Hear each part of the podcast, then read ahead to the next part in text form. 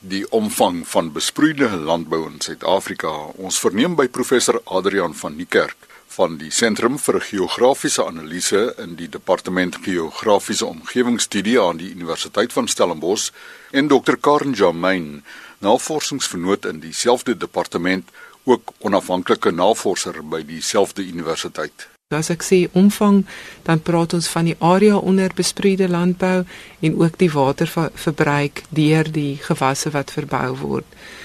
Daar was 'n hele groep navorsers betrokke by hierdie studie, so nie net van Stellenbosch Universiteit nie, maar ons het ook ehm um, navorsingsvennote ehm um, van Nederland wat betrokke was, eLeaf, dan ook Geoterra Imaging, um, GTI wat in Pretoria gebaseer is en die Landbou Navorsingsraad was ook daarbey betrokke. So ek dink meeste van van die luisteraars sal veral in hierdie tyd ehm um, dalk tot 'n groter besef gekom het hoe droog Suid-Afrika is. Oor die laaste paar jaar is verskeie dele van die land met droogte getuister, maar ek dink mense besef nie altyd dat die gemiddelde reënval in Suid-Afrika net hier rondom 450 na 500 mm per jaar is. So as jy eintlik daaraan dink, is dit 'n geweldige min hoeveelheid reënval wat oor die algemeen voorkom. Wat dit egter nog meer kompleks maak, is dat meeste van hierdie reën, vir omtrent 80% daarvan, binne 'n periode van 5 maande val. So, dis 'n baie gekonsentreerde hoeveelheid water wat beskikbaar is net vir die res van die jaar nie. Wat ook interessant is as 'n mens daaraan dink dat die grootste deel van Suid-Afrika, omtrent 65% van die land, kry nie genoeg reën om droë landproduksie te ondersteun nie. So as mens daaraan dink in terme van voedselproduksie, dan is dit uiters belangrik om te besproei om daai um, waterbronne aan te vul. So die belangrikheid daarvan dan is as 'n mens um, besproeide water het, wil jy dit optimaal um, gebruik en jy wil daai area optimaal um, benut.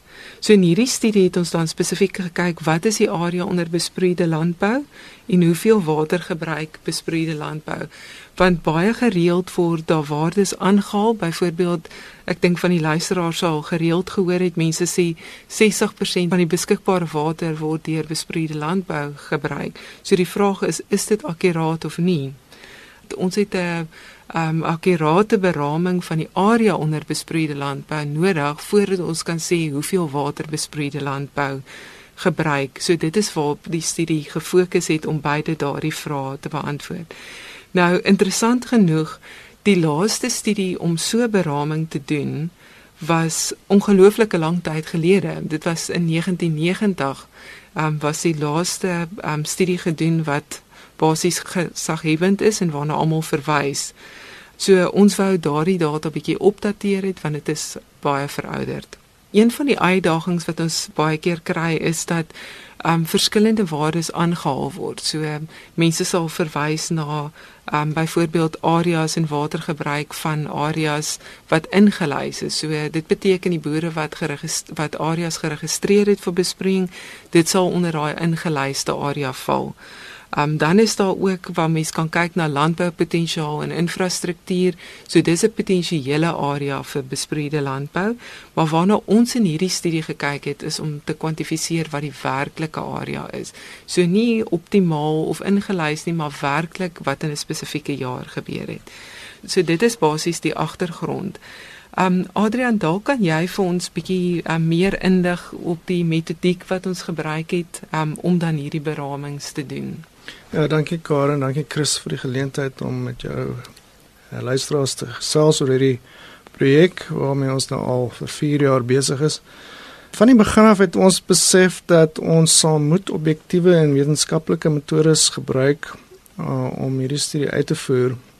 Uh, en dus effektiewelik het ons uh, kaarte gemaak van die besproeide areas deur van satellietbeelde en ehm um, masjienleer gebruik te maak of machine learning in Engels.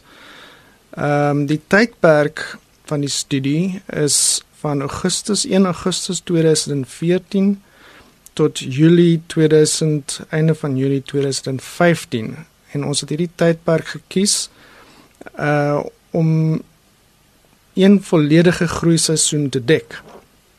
'n Land is gedefinieer as besproeid. Dit is belangrik uh, om te besef dat ons nie sommer alle lande ingesluit het in hierdie studie nie. Ons het net gekyk na lande wat besproeid, aktief besproeid is binne in die periode, die 12 maande periode.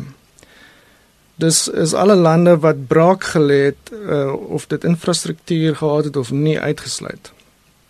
Ehm um, en ons het dan individuele blokke in lande gekarteer uh, deur middel van gesofistikeerde rekenaaralgoritmes uh, gebruik.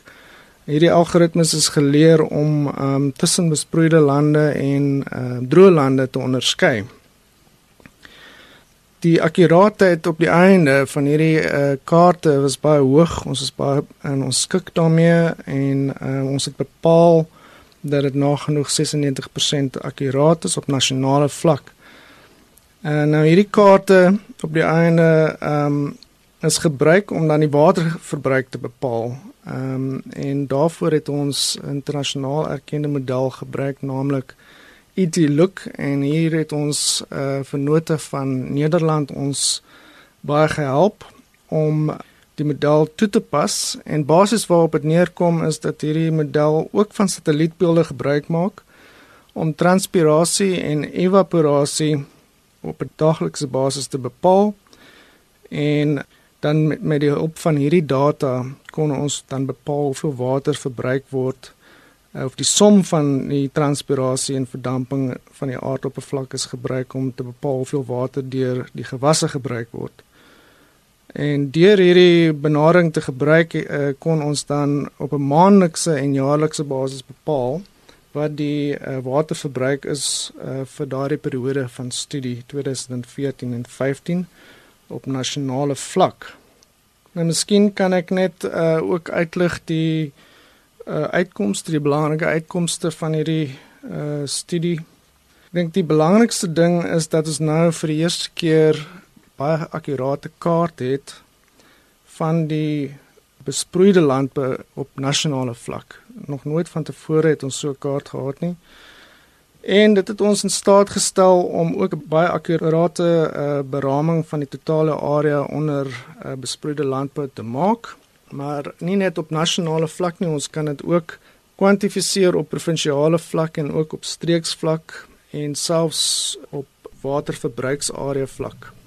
Ek dink die ander belangrike bevinding is ook dat ehm um, met hierdie data of met hierdie kaart wat ons ontwikkel het, ehm um, kan ons nou ook bepaal en ook saam met die ehm um, modellering wat ons gedoen het uh, rakende die verdamping uh, en transpirasie kan ons bepaal wat die waterverbruik is op kleiner gebiede soos op 'n uh, munisipale vlak maar ook op waterbestuursareas en uh, ons kan dit ook gebruik saam met ander metodes soos uh, waterberekeninge om te te bepaal hoeveel water beskikbaar is vir besproeide landbou. Vir diegene wat in statistieke belangstel, kan ons rapporteer dat die totale area wat aktief besproei is in in die jaar 2014 en 15 nagenoeg 1.3 miljoen hektaar beloop. En as mens in ag neem dat die totale area van van Suid-Afrika is dit maar 1% ehm um, van die totale oppervlak. So eintlik 'n baie klein area wat aktief besproei word. En interessant genoeg die provinsie met die meeste hektaar onder besproeiing is die Wes-Kaap. Nagenoeg 20% van die totale area wat besproei word is in die Wes-Kaap terwyl Limpopo 16% tot die totale area onder besproeiing bydra. In terme van waterverbruik is die totale hoeveelheid water wat vir besproeide landbou gebruik word net so oor die 10000 miljoen kubieke meter per jaar.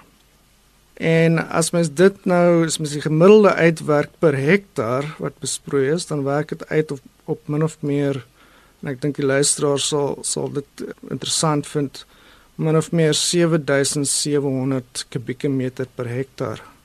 So dis nou op nasionale vlak.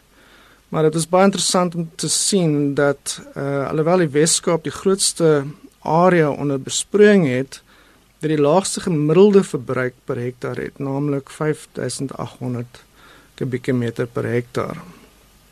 Die die provinsie met die hoogste waterverbruik per hektaar is Mpumalanga. En uh, dit word toegeskryf aan natuurlik die tropiese of subtropiese gewasse wat in hierdie area verbou word. My kundigheid strek nie tot uh gewasverbouing nie, so ek gaan vir Karen vra om miskien net vir ons bietjie te verduidelik uh die die aspek van die studie wat gegaan het oor om te bepaal hoeveel water verskillende gewasse gebruik en ook hoe dit verskil van van area tot area. Ja, ek dink as mens soveel syfers hoor en soveel waardes, is dit baie moeilik baie keer om dit in konteks te, te plaas.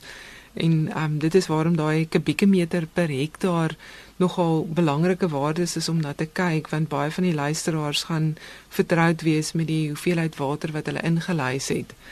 Nou wat belangrik is ek dink om te onthou met hierdie resultate as mense 'n um, verwysingsraamwerk vir dit het is om te onthou as ons praat van waterverbruik hier beteken dit soos Adrian gesê het al die waterverliese deur transpirasie en verdamping So daai verdampingskomponent is nie voordelig tot produksie nie, maar die transpirasie gedeelte is die belangrike deel. So jy wil altyd daai transpirasie gedeelte geoptimaliseer hê. Maar as ons praat dan van hierdie waardes, dan sluit dit daai totale waterverliese of dit nou voordelig is om dit om te skakel in 'n gewas of nie, dit sluit um, al daardie in. Wat ons wel ook moet uitlig is as ons praat van die waterverbruik, beteken dit nie die hoeveelheid besproeiing toegedien nie. Dis 'n baie belangrike onderskeid om te maak.